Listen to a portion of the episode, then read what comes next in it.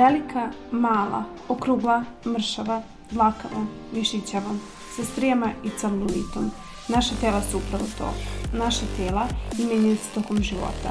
Novi ideali lepote zamenjuju su stare. Lažni cvijeti Instagram savršenosti, modnih lista. Modela bez bilo kakvih nesavršenosti nas preplavljuje svakog dana. Tome ne treba težiti po svaku cijenu a sa druge strane možda je lakše samo tako nešto reći jer sve ono što nas okružuje može nam stvoriti nesigurnosti i naterati nas da preispitamo svoj izgled ili budemo nezadovoljni njime. Ukoliko težimo savršenosti koju nam je društvo nametnulo, možemo se podvrgnuti raznim estetskim operacijama, ali da li nam to može garantovati savršen izgled? Nisam baš sigurna da je to najbolja opcija i rešenje te situacije. Svesni sam da nam treba dosta edukacije i da radimo na tome da prihvatimo sebe sa svojim izgledom, ali verujem da velikom broju devojaka nije lako. Svi smo se nekad nalazili u tom čorsokaku, bez mogućnosti izlaza. Prvo sam imala period nesigurnosti zbog svog izgleda, strija, celulita, širokih butina, dlaka, ali sam uspela da ih prevaziđem gradeći se u pouzdanju na svojim ličnim kvalitetima, ali moram priznati da je to proces koji nije ni malo.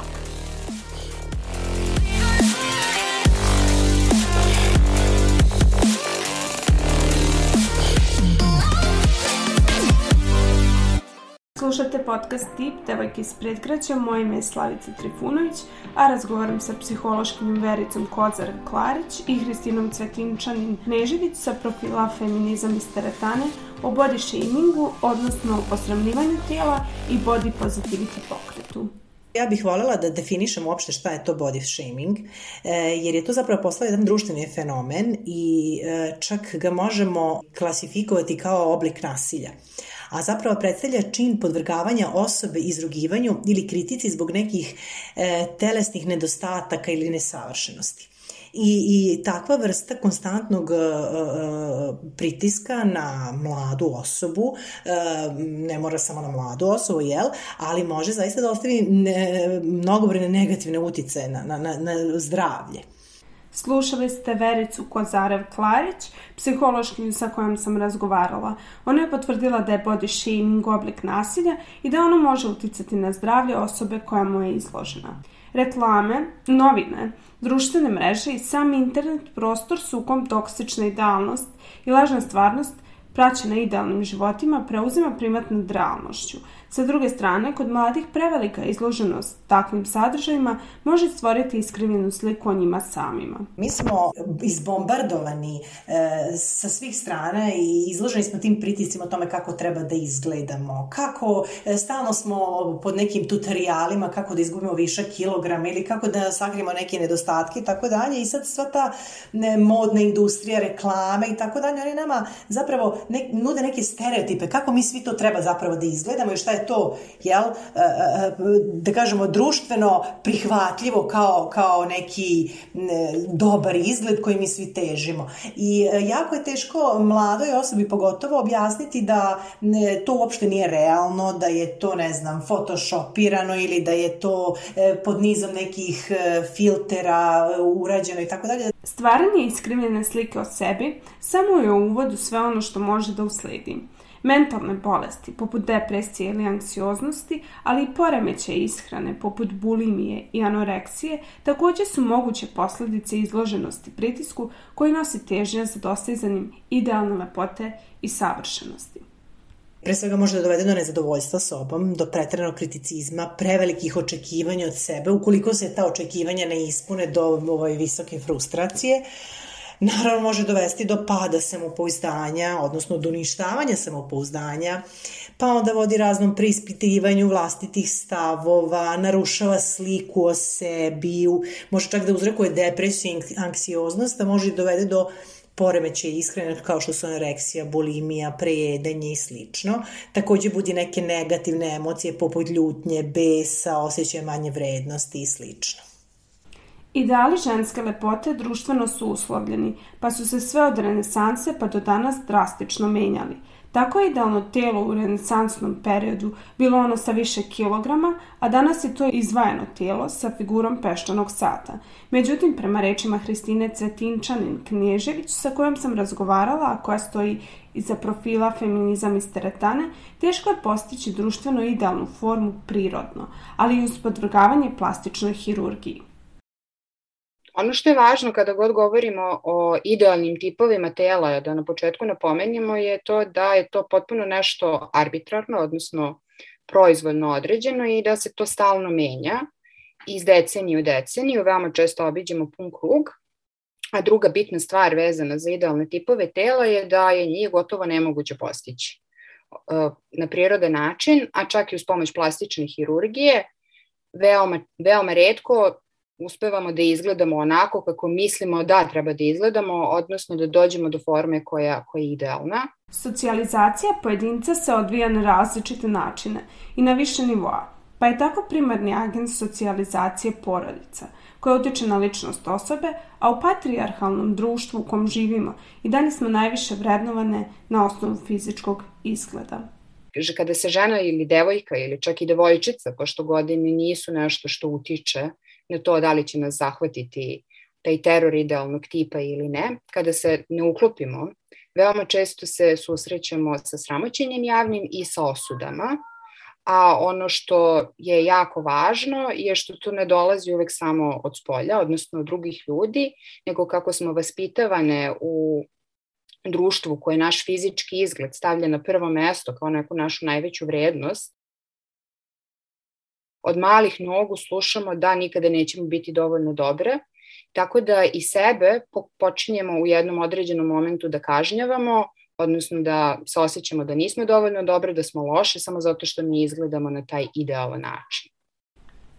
U viktorijanskoj eri je bilo obavezno da žene imaju uzak struk, zbog čega su često nosile korsete koje su stezale u meri da ne mogu da dišu ili bile primorane da lome svoja rebra da bi postigle idealan obim struka. Ovo možda i ne zvuči poznato. A kada bismo to uporedili sa današnjim vremenom, shvatili bismo da nema prevelike razlike i da su se samo tehnike postizanja prividnog savršenstva menjale. Hristina Cvetinčanin Knežević kaže da se danas očekuje od žena da imaju pod znacima navoda obline na pravim mestima. Vremene se menjaju tako da sada možemo govoriti o idealnom tipu muškog tela, je nešto što je društveno dogovoreno, nešto što nema nikakvog, nikakvog osnova o nekoj prirodi i biologiji, jednostavno samo je pitanje dogovora. I kada gledamo u zadnjih 50 godina kako se menjaju idealni tip ženskog tela,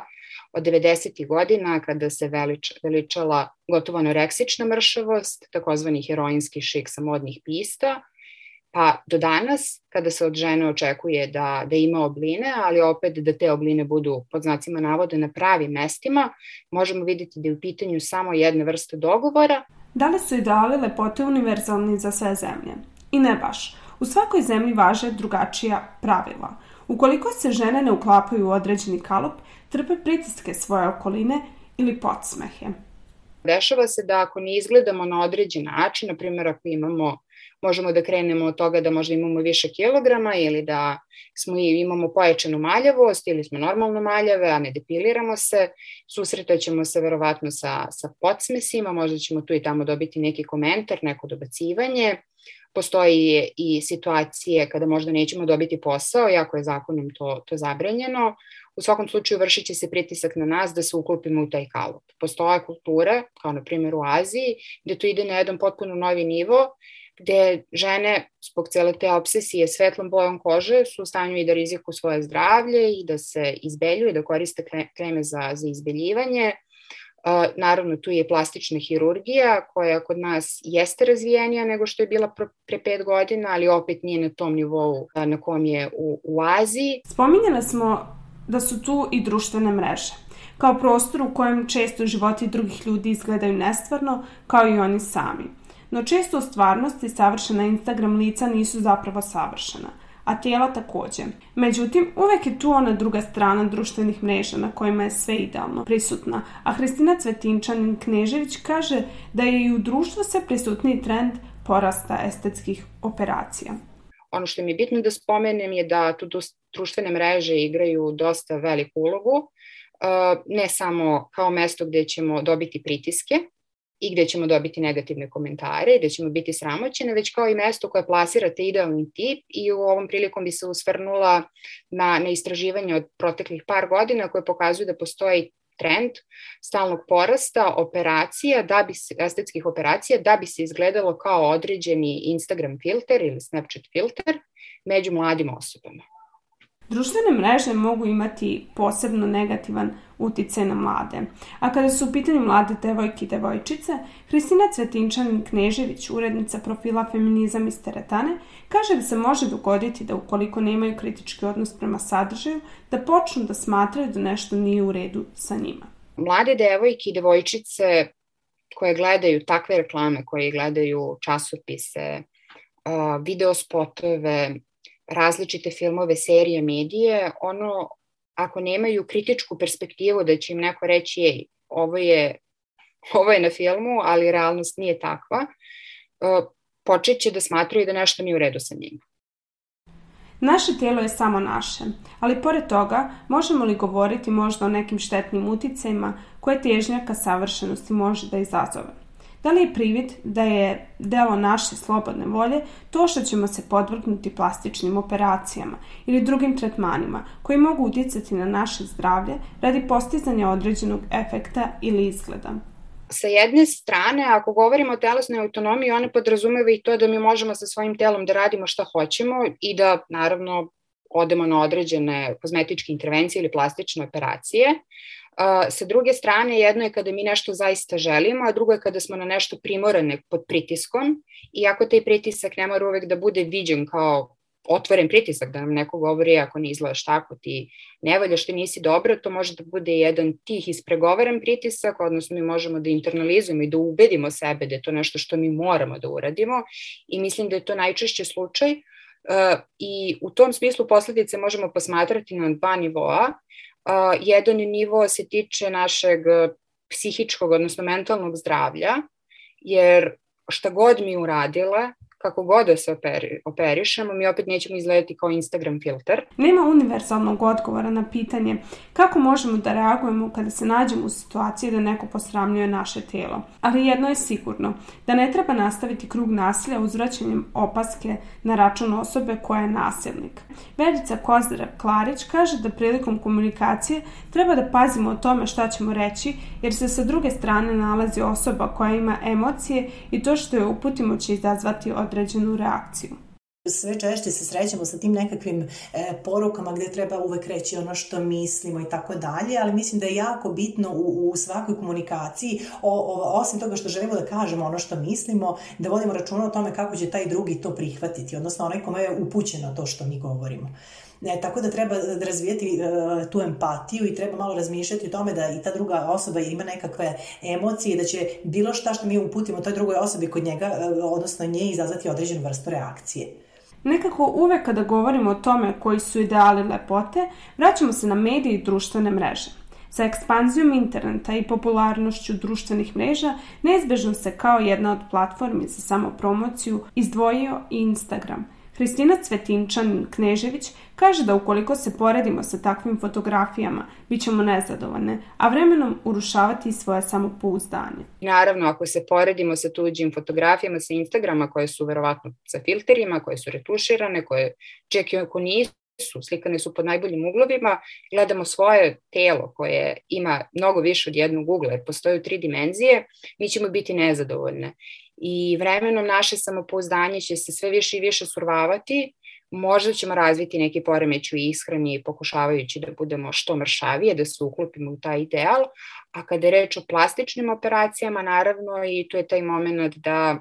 ćemo možda pristati na, na neku intervenciju koja nije bezbedna, izabrat ćemo neku uh, jeftiniju opciju koja će možda biti polulegalna, neće, gde postoje komplikacije, gde će nas možda operisati osobe koje nisu najstručnije, nećemo dobiti pravu postoperativnu negu. Lek za takozvanu opterećenost fizičkim izgledom može biti i body positivity. Njega možemo povezati sa body shamingom. Dok body shaming kao termin počinje da se upotrebljava od 1996. godine, i predstavlja u bukvalnom prevodu sramoćenje tela, kritiku ili izrugivanje drugima zbog e, njihovog izgleda ili nekih drugih fizičkih nedostataka, body positivity ima drugačiju poruku i u ekspanziji od 2010.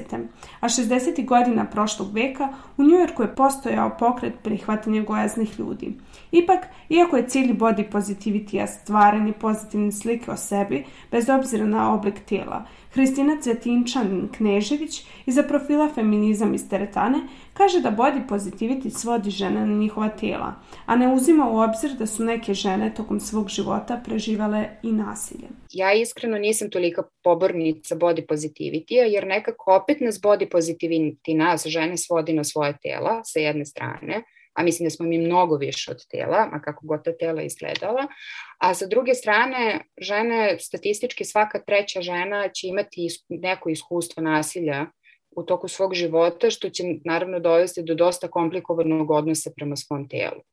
I u tom smislu taj stani pritisak da mi moramo da volimo i veličamo svoje telo kada je u to telo upisana trauma ili ako to telo možda nije zdravo, ako imamo problem sa, sa svojim zdravljem ili ako živi, idemo kroz život sa hroničnim bolom, mislim da to nije nešto što je tako lako dostižno i mislim da to jeste u neku ruku i, i velika privilegija. Body shamingu mogu biti izložene i žene i muškarci, različitih oblika tela, od onog punijeg pa do onog mršavijeg. A kako ističe Hristina Cvetinčanin Knežević, bitno je da budemo fizički i mentalno zdravi od toga da je sasvim normalno da nemamo sve pločice na stomaku, pa do toga da je ok imati celulit, ok imati strije, uh, naj, najnormalnija stvar na svetu da je žensko telo maljavo, najnormalnija stvar je da nam težina tokom života se menja, da fluktuira i da možda u svojim 40-ima nećemo izgledati kao što smo izgledali u 20-ima ili 30-ima. Ono što je bitno je da naša tela budu najzdravije što mogu biti govorimo o fizičkom zdravlju, da naše mentalno zdravlje u vezi našeg tela bude dobro, da ne, kontrolišemo svoju ishranu u smislu da, da se uslovljavamo, da zaobiđemo kulturu dijete, da zaobiđemo poremeći u ishrani i da kroz život idemo sa fokusom na to koliko je naše telo funkcionalno u svojim granicama, a ne sa fokusom na to kako to telo izgleda drugima i da li su oni zadovoljni ili ne. Body positivity na papiru i u stvarnosti, ali da li je zaista tako kada pogledamo predstavnike ovog pokreta? Idealna koža, bez strija, celulita, dlaka, ali to onda nije body positivity, jer ukoliko posmatramo punije modele, oni će kao i svaki drugi imati neke nesavršenosti na koži. Mislim da to baš onako u srž ukazuje na to licemerje koje veoma često stoji iza pojedinih predstavnika i predstavnica body positivity pokreta o kome smo govorili, a to je da ćemo da prihvatimo svoje telo, ali samo ako je ono seksi samo ako se uklapa u određene proporcije i čak i ako pogledamo neke od najpoznatijih eh, body positivity, ajde da kažemo manekinki plus size manekinki, vidjet ćemo da one i dalje možda nose veličinu veću od 38 ili 40, ali i dalje imaju figuru peščanog sata. I ja, koja sam bila u, četelo bilo u različitim formama, pa takođe u plus size obliku, ali većina žena koje znam, koje možda jesu plus size ili su bile plus size, redko kad nam se desilo da uh, nam telo izgleda u tim proporcijama, odnosno proporcije 90, 60, 90, samo u većoj ovaj, konfekcijskoj veličini. Stvaranje pozitivne slike o svom tijelu i ljubav prema njemu sa jedne strane i sve ono što se dešava sa našim tijelom tokom života sa druge strane. Da li je jedno od ta tri ono što treba da izaberemo po svaku cenu? Postoji nešto što se zove body acceptance, odnosno prihvatanje tela i to je pokret koji je tek u povoju u svetu, kod nas ne bih rekla da, da je zastupljen, ali to je na prvom mestu meni lično dovelo me je dovelo u, u neko stanje mira sa svojim telom i voljela bi da malo više pričamo o tome. A prihvatanje tela polazi od toga da su naše tela kakve, takve kakve jesu i ona su deo nas. I kao što ne razmišljamo toliko često u nekim drugim delovima nas, kao što su možda emocije, kao što je možda racio, ne trebamo toliko ni da budemo opsednute svojim telom i ono što je za mene najvažnije, ne trebamo da ga smeštamo u neke vrednostne okvire. Svet odraslih je onaj u koji devojčice i devojke ulaze vrtoglavom brzinom. Često nepripremljene bez znanja kako da se nose sa svim tim izazovima kojima će u njemu biti izložene. Hristina Cvetinčan Knežević dala je nekoliko saveta kako da se devojčice nose sa svim tim izazovima, a između ostalog i nametnutom savršenošću. Jednostavno da otprate sav onaj sadržaj koji ih uznemirava i da se fokusiraju na sadržaj koji ih osnažuje, da se osjećaju dobro u svojim telima, a kada je reč o životu van društvenih mreža, mislim da je jako važno da međusobno se okupljamo i da pričamo sa svojim vršnjakinjama, sa, sa starim devojkama i ženama u koje imamo poverenja, jer onda ćemo shvatiti da neke stvari koje nas muče su univerzalne stvari, iako od deset nas, svih deset nas imamo celulit, a stalno slušamo da je celulit najstrašnija stvar na svetu i da nije normalno i da je to bolest, možda shvatimo da to što nam se govori nije tačno. Ja sam uzela za primjer celulit, ali to može biti bilo šta. Psihološkinja Verica Kozarav-Klarić saglasna je da kada su u pitanju mlade osobe, devojčice, za njih bi bilo najbolje da promene okruženje i pronađu ono koje će biti prijateljski nastrojeno. To nasilje je e, vrlo često, odnosno takvom nasilju je vrlo često izraženo u svom neposrednom okruženju, verovatno u nekoj vršnjačkoj grupi, sve češće je to i ono cyberbullying, jel, preko društvenih mreža i tako dalje. E, treba zapravo tu mladu osobu pokušati izmestiti iz takvog jednog okruženja, savetovati joj da e, pronađe sebi prijateljsko okruženje, sa ljudima koji imaju neki pozitivan stav, e, pozitivan odnos prema svom i tuđem telu, e, koji su možda puni neke pozitivne energije, pokretačke i tako dalje. E, zatim treba naravno osvestiti svoje ponašanje, treba biti svestan toga da je to što nam drugi govori zapravo ono što nas povređuje. Svijet i društvo su ti koji određuju neke univerzalne obrazce ponašanja i izgleda. Svijet u kojem smo izloženi diskriminaciji ili podsmehu zbog našeg fizičkog izgleda nam šalje jasnu poruku. Takav svet nam govori da mi nismo ništa više od svojih tela, a da ta tela nisu tu da bismo mi sa tim telima išli kroz život i uživali u, živ, u životu, već da su tu da bi ih neko drugi gledao i da bi on uživao u nama. Tako da nas takav svet svodi na, na objekte, najčešće seksualne objekte, oduzima nam bilo kakvu agensnost, odnosno sposobnost da nešto radimo zbog sebe i svodi nas na, pa mogu da kažem čak i na, na neku vrstu seks lutaka, seks igračaka. Slušali ste podcast Tip Devojke iz predgrađa. Razgovarala sam sa Vericom Kozare Klarić, psihološkinjom i Hristinom Cvetinčanin Knežević sa profila Feminizam iz teretane o body shamingu kao obliku nasilja, uticaj društvenih mreža na sliku o sebi i plastičnu hirurgiju s vrhu postizanja idealnog izgleda. I zapamtite, naše telo je samo naše i nikog ne treba da se tiče kako ono izgleda. Podcast možete slušati na Sounder FM-u, podcast.rs, u Google Podcast i Spotify. Ja svakako čekam vaše komentare, razmišljanje i predloge tema na društvenim mrežama Fabrike kreativnosti. Na Facebooku smo Fabrika kreativnosti, a na Instagramu F kreativnosti. Čujemo se uskoro.